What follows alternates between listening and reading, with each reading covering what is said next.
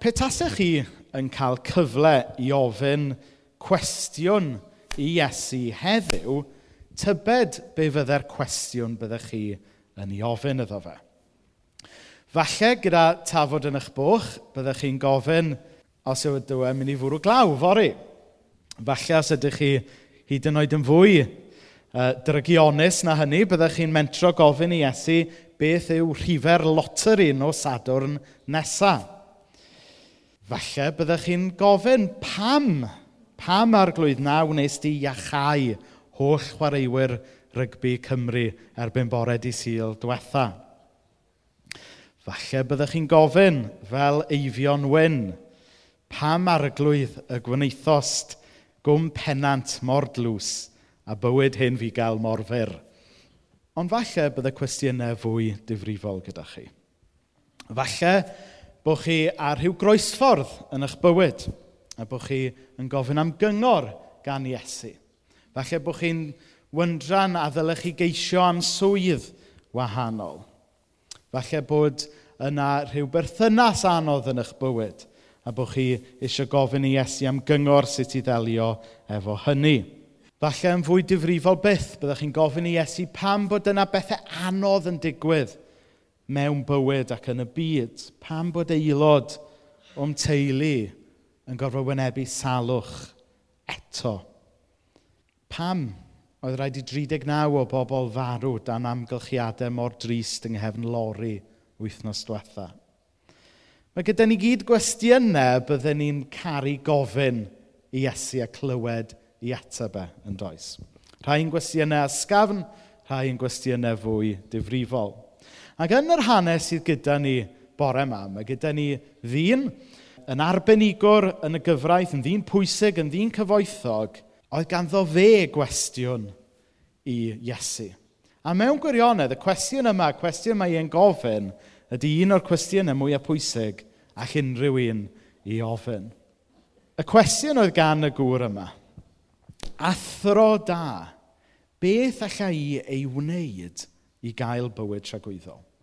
Neu, o arall eirio'r cwestiwn, beth sydd rhaid i mi wneud i gael byw am byth? Beth sydd rhaid i fi wneud i gael bod yn rhan o'r byd newydd sydd i ddod? Beth allai i wneud i gael bywyd tragwyddol? Dyma oedd cwestiwn y gŵr yn yr hanes yma. A dyma yw'r cwestiwn sydd tu ôl y cwestiwn gyda lot ohono ni a lot o bobl o hyd, dwi'n meddwl. Achos dydy pobl, dydy, mae, na, mae pobl yn ofn marwolaeth, yn dydyn? Mae pobl, ma, marwolaeth dal yn rhywbeth sydd yn ofni pobl. I ni eisiau gwybod beth sydd yn dod yn y dyfodol. Ac i ni'n chi gweld bod pobl yn ofn marwolaeth ac, ac yn ofn y dyfodol ac eisiau gwybod beth sydd yn y dyfodol. Ac i ni'n chi gweld hwnna mewn diwylliant cyfoes ddim mor gyfoes â hynny, ond mae rhywun yn meddwl am boblogrwydd stori Peter Pan. Oedd e'n nofel gan awdur o'r Alban i ddechrau, a wedi ail wneud mewn ffilmiau blant dros y blynyddoedd. A wrth gwrs, beth sydd beth, poblogrwydd y stori yma ydy bachgen sydd byth yn mynd yn hen. Bachgen sydd yn byw am byth yn Neverland. A mae'n ddiddorol yn dydy, y thema o fod eisiau byw am byth.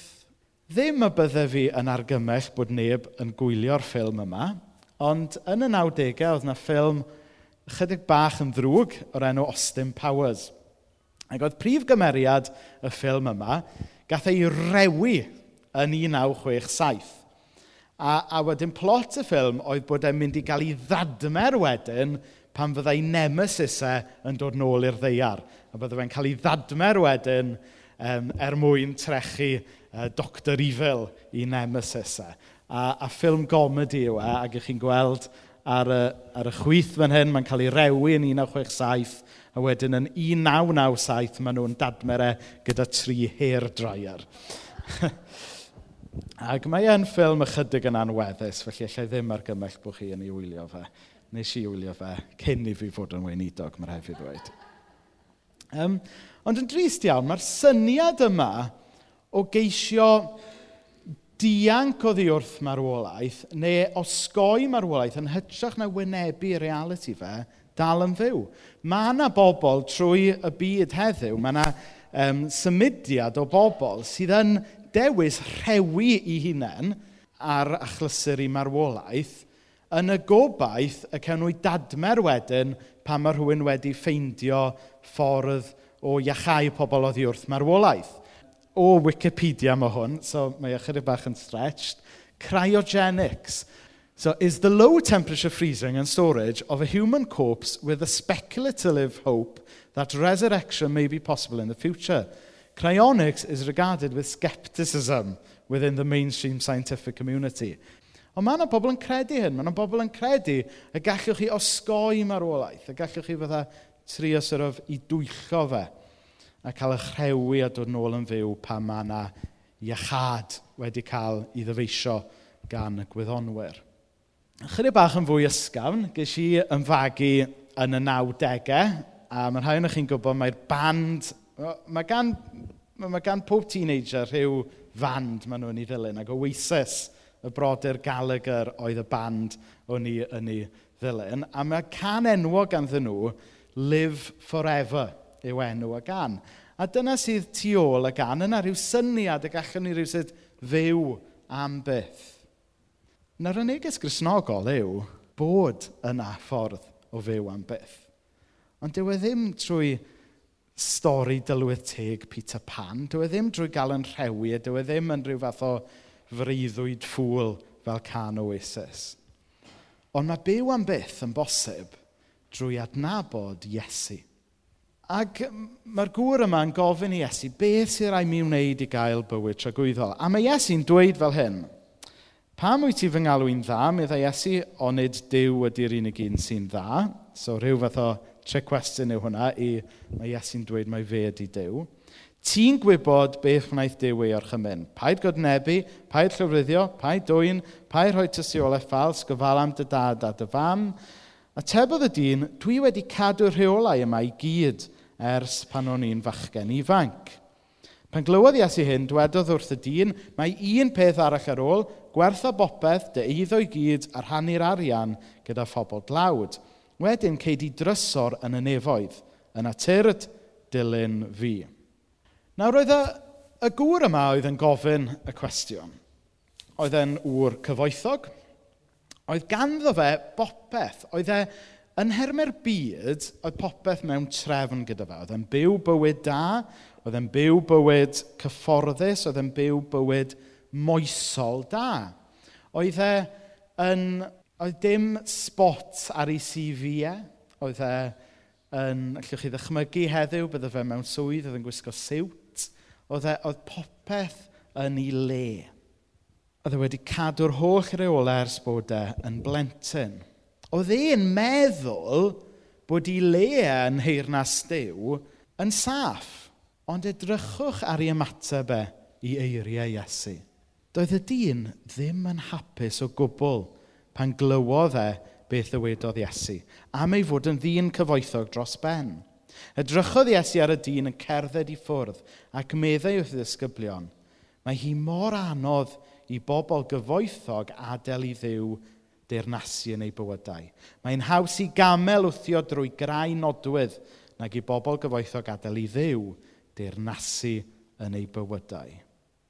Er bod y, y gŵr yma'n byw bywyd da, wedi cadw rheolau efo CV gret, oedd na un problem fawr – nid Iesu oedd y dew yn ei fywydau, ond yn hytrach i gyfoeth a'i ariannau.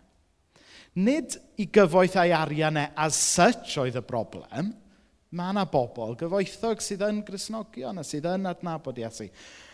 Nid i gyfoeth a'i arian oedd y broblem as such, ond yn hytrach lle oedd ei galonau. Oedd ei galonau yn y cyfoeth a'r arian a ddim efo Iesu. A mae'n adnod o efengil Matthew sy'n atgoffa ni o hyn. Lle bynnag mae dy drysor di y bydd dy galon di.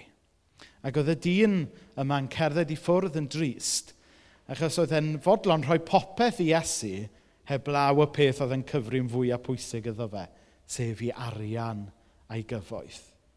Ond mae Iesu eisiau ni roed y cyfan iddo fe. Mae Iesu eisiau ni roed yn calon iddo fe. Mae'r hanes yma'n taflu lot o gwestiynau um, pwysig ac eitha anodd lan ynglyn ag arian a cyfoeth. Ydy e'n bosib i berson cyfoethog fod yn gristion? Sut dylen ni fel Cresnogion drin yn arian a'n cyfoeth? Maen nhw'n gwestiynau fel, fel mewn ffordd gath i gyffwrdd gyda Mari yn y weddi. Maen nhw'n gwestiynau, dylen ni fel Cresnogion yn hymor etholiad nawr fod yn reslo gyda. Ydy e'n bosib i bobl cyfoethog fod yn grisnogion? Wel, ydy, fyddwch chi'n falch o glywed, ond mae'r efengylau yn arbennig efengylic yn gwneud yn amlwg bod yn gyfoethog a bod yn gristion yn codi set o gwestiynau anodd i fyny, yn dydy. Maen nhw yn gorfodi y Cristion sydd yn gyfoethog i ail-asesu blaenoriaethau a gofyn sut i wneud y defnydd gorau o'r arian y cyfoeth yma, nid i fi, ond er mwyn bendithio eraill ac er mwyn lles teirnas dew. O'n i'n um, siarad gyda ffrind i fi, Ezeias. Mae Ezeias yn um, dod o Batagonia, o Ariannin, ond mae e'n weinidog lawr yn Ne Cymru nawr. Ac un o pethau oedd Eseias yn dweud wrtho fi ar ôl dod i Gymru oedd bod e'n wedi sylwi bod lot o grisnogion Cymraeg, ond dwi'n siŵr bod e'n wir ynglyn â'r gorllewin yn gyffredinol, bod, bod e'n syni bod gymaint o grisnogion yng Nghymru yn poeni am ddiogelwch ariannol. Ac oedd e'n dweud, yn yr ariannin, dydyn nhw ddim yn poeni am y peth o gwbl, achos bod ganddyn nhw ddim ddiogelwch ariannol i ddechrau chi'n deall beth be sydd gyda fi? A, a oedd hwnna'n heriol iawn i fi. Ni oedd e ddim yn isw i Grisnog yn yr ariannyn, achos oedd e, oedd y crutch yna ddim gyda nhw yn y lle cyntaf i ddibynnu arno fe. Ond falle yn y gorllewin sy'n fwy cyfforddus, falle bod e yn ddiw dyfach, falle bod e yn eilyn, yn idol, y gallwn ni fel Cresnogion fod yn or ddibynnol arno fe. Mlaen yn penod 19 dros y dydalen, mae Iesu'n cyfarfod dyn arall. Dyn sydd unwaith eto yn gyfoethog. A sylwch ar ymateb gwahanol y dyn yma. Arglwydd, dwi'n mynd i roi hanner popeth sydd gen i i'r rhai sy'n dlawd. Ac os ydw i wedi twyllo pobl a chymryd mwy o drethu nag y dylwn ni, tala i bedair gwaith cymaint yn ôl iddyn nhw. Meddai Iesu, mae'r bobl sy'n byw yma wedi gweld beth ydy achubiaeth heddiw. Mae'r dyn yma wedi dangos ei fod yn fab i Abraham. Dwi, mab y dyn, wedi dod i chwilio am y rhai sydd ar goll i'w hachub nhw. Nawr fan hyn, mae gyda ni ddyn cyfoethog. Ond mae agwedd y tuag at Iesu'n hollol wahanol i'r gŵr cyfoethog yn y benod flaenorol. Mae hanes a cheis yn atgoffa ni bod hi'n bosib i berson cyfoethog, fod yn gristion. Ond y cwestiwn yw sut. Nawr ar yr olwg gyntaf, mae'n hawdd i ni slipio i feddwl mae'r ffordd i fod yn gristion, ffordd i fod yn iawn efo Dyw, yw gwneud y pethau iawn. Mae rhywsut mae bod Zacheis wedi rhoi hanner i gyfoeth i ffwrdd, a bod Iesu wedi mynd, da iawn ti, llongorchiadau gyd i ddod mewn i'n heirnas i nawr. Na, nid, nid fel yna mae'n gweithio. Nid rhyw fath o point system ydy'r ffydd grisnogol. Chywbod pan i chi'n mynd i'r um, siop goffi neu siop lyfrau, a maen nhw'n rhoi loyalty cards i chi, dydyn? A wedyn, os ydych chi'n cael uh, latte, ydych chi'n cael stamp, a wedyn ydych chi'n mynd nôl, cael stamp arall, ydych chi'n mynd nôl a cael mwy a mwy o lattes, a wedyn, ar ôl gwario ffortiwn, so dyna'r con, ydych chi'n cael latte bach am ddim a da chi'n meddwl bod chi wedi gwneud yn ffantastig. Nawr, con ydy'r loyalty cards, jyst er mwyn cael chi fynd yna i wario'ch arian. A mewn ffordd, con ydy meddwl bod ni'n gallu mynd at ddiw drwy jyst ennill rhyw brawni pwynt drwy wneud pethau da. Mae bywyd am byth, mae bywyd newydd efo Iesu, dyw e ddim yn rhywbeth y gallwn ni ennill, ond yn hytrach mae e yn rodd i ni'n gallu i dderbyn. Oedd y gŵr yn lyc 18. Oedd e wedi mynd yn wrong reit o'r dechrau yn ei gwestiwn. Mae e'n dweud beth allai i wneud i gael bywyd tragwyddol. Wel, wrong cwestiwn. Oedd dim byd oedd e'n gallu gwneud. Oherwydd rhodd ydy bywyd tragwyddol. Rhodd am ddim. Yr unig beth oedd e'n gallu wneud mewn ffordd oedd derbyn y rhodd. Oedd Iesu eisoes wedi ei roed ar gael iddo fe. Mae newyddion da Iesu yn hyfryd yn dydy. Does dim rhaid i ni chwysu o gwmpas os ydym ni wedi gwneud digon. Does dim rhaid i ni gochi cwsg a oes yna ddigon o stamps ar yn loyalty card ni wrth fynd at ddew. I ni'n lli mynd at ddew yn gwybod fod Iesu eisoes wedi rhoi bywyd newydd a myddeiant i ni yn rhodd am ddim. Mae rhywun arall wedi talu y pris. Ond ydy hwnna, wrth gwrs, ddim yn golygu wedyn bod ni yn rhydd i gario ymlaen yn byw bywyd rhywsut rhywsut. Dyw hwnna ddim yn golygu fod pobl gyfoethog yn gallu cario ymlaen i fyw bywyd yn neud pres ar drael pobl eraill ac yn twyllo arian allan o bobl eraill. Os ydym ni wedi derbyn y rhodd o fywyd newydd, mi ddylen ni wedyn newid yn bywydau mewn ffordd sydd yn dangos cariad Iesu i bobl eraill.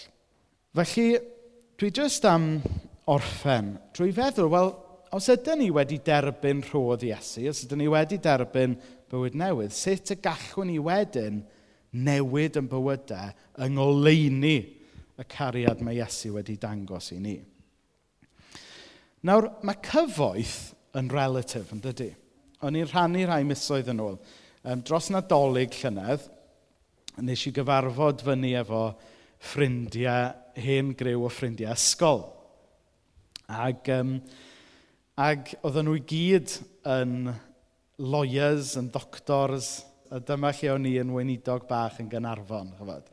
Ac yn y cilch yna, o'n i'n teimlo'n dlawd. O'n i'n mynd adre dweud yr hanes yna wrth dad, a dad yn rhoi slap i fi. Oherwydd, i ddechrau, i ni ddim y mesur cyfoeth yn ôl arian na dyn. Dyna'r holl bwynt y neges yma mewn ffordd. Ond hefyd, ond os ydyn ni mesur arian, mae'n relatif yn dydy. Os ydych chi'n byw yng Nghymru, sy'n os faint y gyfoes sydd gyda chi, statistically, chi o fewn y ganran fwy y cyfoethog trwy'r byd. Felly mae, mae cyfoeth yn, yn relatif yma, mae'n bwysig i ni gofio hynny. Felly sut y gallwn ni, fel pobl sy'n byw yn y gorllewin, fel pobl gyfoethog, ffocysu yn meddwl yng ngoleini cariad Iesu ato ni? Wel, yn gyntaf, dylen ni gofio mae Iesu dylai fod yn bopeth i ni. Allwn ni ddim gwasanaethu dau feistr. Iesu ddylai fod tu ôl pob penderfyniad da ni'n gwneud. Dylen ni beidio torri yn bywyd mewn i focsys, bod gyda ni'n bywyd ysbrydol, yn bywyd crefyddol yma yn y capel, a wedyn bod gyda ni'n bywyd um, di llun i ddysadwr na bod ni'n gadael i bethau eraill. Iesu, dyle fod yn bopeth yn y bywyd, tu ôl bob penderfyniad i ni wneud. Yn ail, dylen ni fod yn bobl edifeiriol. Nawr, ystyr edifeirwch yw nid dweud, sori ddew, diolch am maddau pechodau fi, a wedyn cario ymlaen i fyw yn yr union rhywun ffordd. Ystyr edifeirwch yw troi yn bywyd rownd yn llwyr. Stopio byw fel o'n ni arfer byw. Gwneud fyny os, yd, os ydy'n pechod a'n, an hen ffordd ni wedi'n ei niwed i bobl eraill, talu nôl bedair gwaith fel oedd Zacheis yn gwneud. Dylen ni fod yn bobl sydd yn byw wedi feirwch, nid yn bobl sy'n dweud bod ni jyst wedi ediffarhau unwaith a dyna ni. Dylen ni roi Iesu o flaen elw ac arian. Dylen ni wneud beth sy'n orau i enw Iesu. Dylen ni adael i, i werthoedd teirnas Iesu fod tu ôl pob penderfyniad i ni wneud. Dylen ni fod yn bobl hael gyda'n arian a'n cyfoeth. Dylwn ni roed yn hael i helpu'r tlawd ac i gynnal gwaith y deyrnas. Mi ddylen ni fod yn ddoeth gyda'n cyfoeth. Dylen ni beidio roed yn sicrwydd yn yn harian a'n cyfoeth. Does dim sicrwydd a diogelwch go iawn i gael mewn punoedd ag aisas. Felly bod chi'n cofio nôl i 2000 ac, 2008 fe, pan fi oedd uh, pan nath y, y banciau i gyd crasio a pobl, wel ddim jyst pobl, cenhedloedd cyfan yn cochi popeth oedd ganddyn nhw tu ôl iddyn nhw. Nid mewn pethau fel yna mae'n gwir sicrwydd ni. Ac yn ola, ddylen ni fod yn ostenedig ynglyn ag unrhyw arian a chyfoes sydd gyda ni. I chi'n clywed yn dydych, mae, mae um, yr apprentice mlaen ar hyn o bryd yn dydy. Ys rhywun yn watch ar apprentice. A chyfo, mae'n raglen digon difyr. Ond, o, oh, maen nhw mor llawn ohonyn nhw i hunain yn dydyn. Ac Alan Sugar a'r, ar millionaires eraill yma yn ymffrostgar ynglyn â sut maen nhw wedi cael eu cyfoeth. Wel, sy'n unrhyw le i ni ymffrostio. Dew bia'r cyfan. A mae unrhyw arian neu chyfoeth sydd wedi dod i'n rhan ni, stiwardiad yn unig ydy ni. So jyst i orffen, dwi am fynd nôl i'r cwestiwn ar y dechrau. Arglwydd. Beth allai i wneud i gael bywyd tragwyddol? Mae pobl eisiau byw am byth yn dydyn. Mae pobl yn ofn marwolaeth. A mae gyda ni ddau wr, da ni wedi meddwl amdano bore yma, oedd wedi ymateb mewn ffordd wahanol. Gyda ni'r gŵr cyntaf oedd ddim yn fodlon gadael fynd ar ei gyfoeth i dderbyn y cyfoeth gwell yn Iesu. Ond oedd Zacheis ar y llaw arall. Oedd e wedi gweld mai dim ond hyn a hyn o fodlonrwydd, hyn a hyn o fywyd da oedd ei gyfoeth yn gallu roed iddo fe. Oedd e'n gallu gweld fod Iesu yn cynnig rhywbeth gwell. Oedd e'n gallu gweld fod Iesu yn cynnig rhywbeth oedd ddim jyst yn rhoi bywyd cyfforddus iddo fe. Oedd e'n gallu gweld fod Iesu yn rhoi bywyd tragwyddol oedd yn para am byth iddo fe. Felly'r her dwi eisiau gosod i bob un ohono ni bore yma yw pwy ydy ni. Ydy ni fel y gŵr cyntaf yma sydd yn gweld y gost o ddilyn Iesu ac yn dweud, mm, actually, dim diolch, dwi'n ddigon hapus gyda y mywyd bach cyfforddus fan hyn. Neu ydy ni fel Zacheis, yn fodlon gwneud ffwl o'n hunan er mwyn adnabod Iesu. E- Mae hwnna'n un peth fi'n licio am hanes a cheis. Oedd e'n ddyn a job pwysig o ganddo fe gyfoeth, ond oedd e'n ddyn byr, a fel dyn byr, allai uniaethu gyda hwnna, oedd e'n, oedd e'n fodlon dringo lan coeden. Just picture this, okay? Dyn yn ei oed ei amser, dyn oedd aswydd um, coler wen, allwch chi weid. Felly, dychmygwch am eiliad bod e'n gwisgo siwt. Doedd e ddim yn y cyfnod yna, ond dychmygwch bod e. A mae e'n mynd y dringo lan coeden o flaen tyrfa er mwyn gweld Iesu. Oedd e'n fodlon taflu i public image i ffwrdd er mwyn gweld a cyfarfod Iesu. Ydy ni mynd i wneud hynny? Ydy ni'n hapus i wneud hynny? Ydy ni'n hapus i ddweud fod y cyfoeth sydd gyda ni ddim yn ddigon a bod ni eisiau'r cyfoeth mwy mae bywyd yn Iesu yn ei gynnig i ni. Nawr os ydyn ni yn ystyried yn bod ni'n ddisgyblion i Iesu fel Zacheis, yna'r her dwi eisiau gadael i bawb sydd yma sydd yn cyfru hunain yn ddisgyblion i Iesu ydy hyn. Ydy'r ffordd da ni yn trin yn cyfoeth a'n arian yn adlewyrchu bod ni'n perthyn i deyrnas dew neu teyrnas y byd yma. Amen.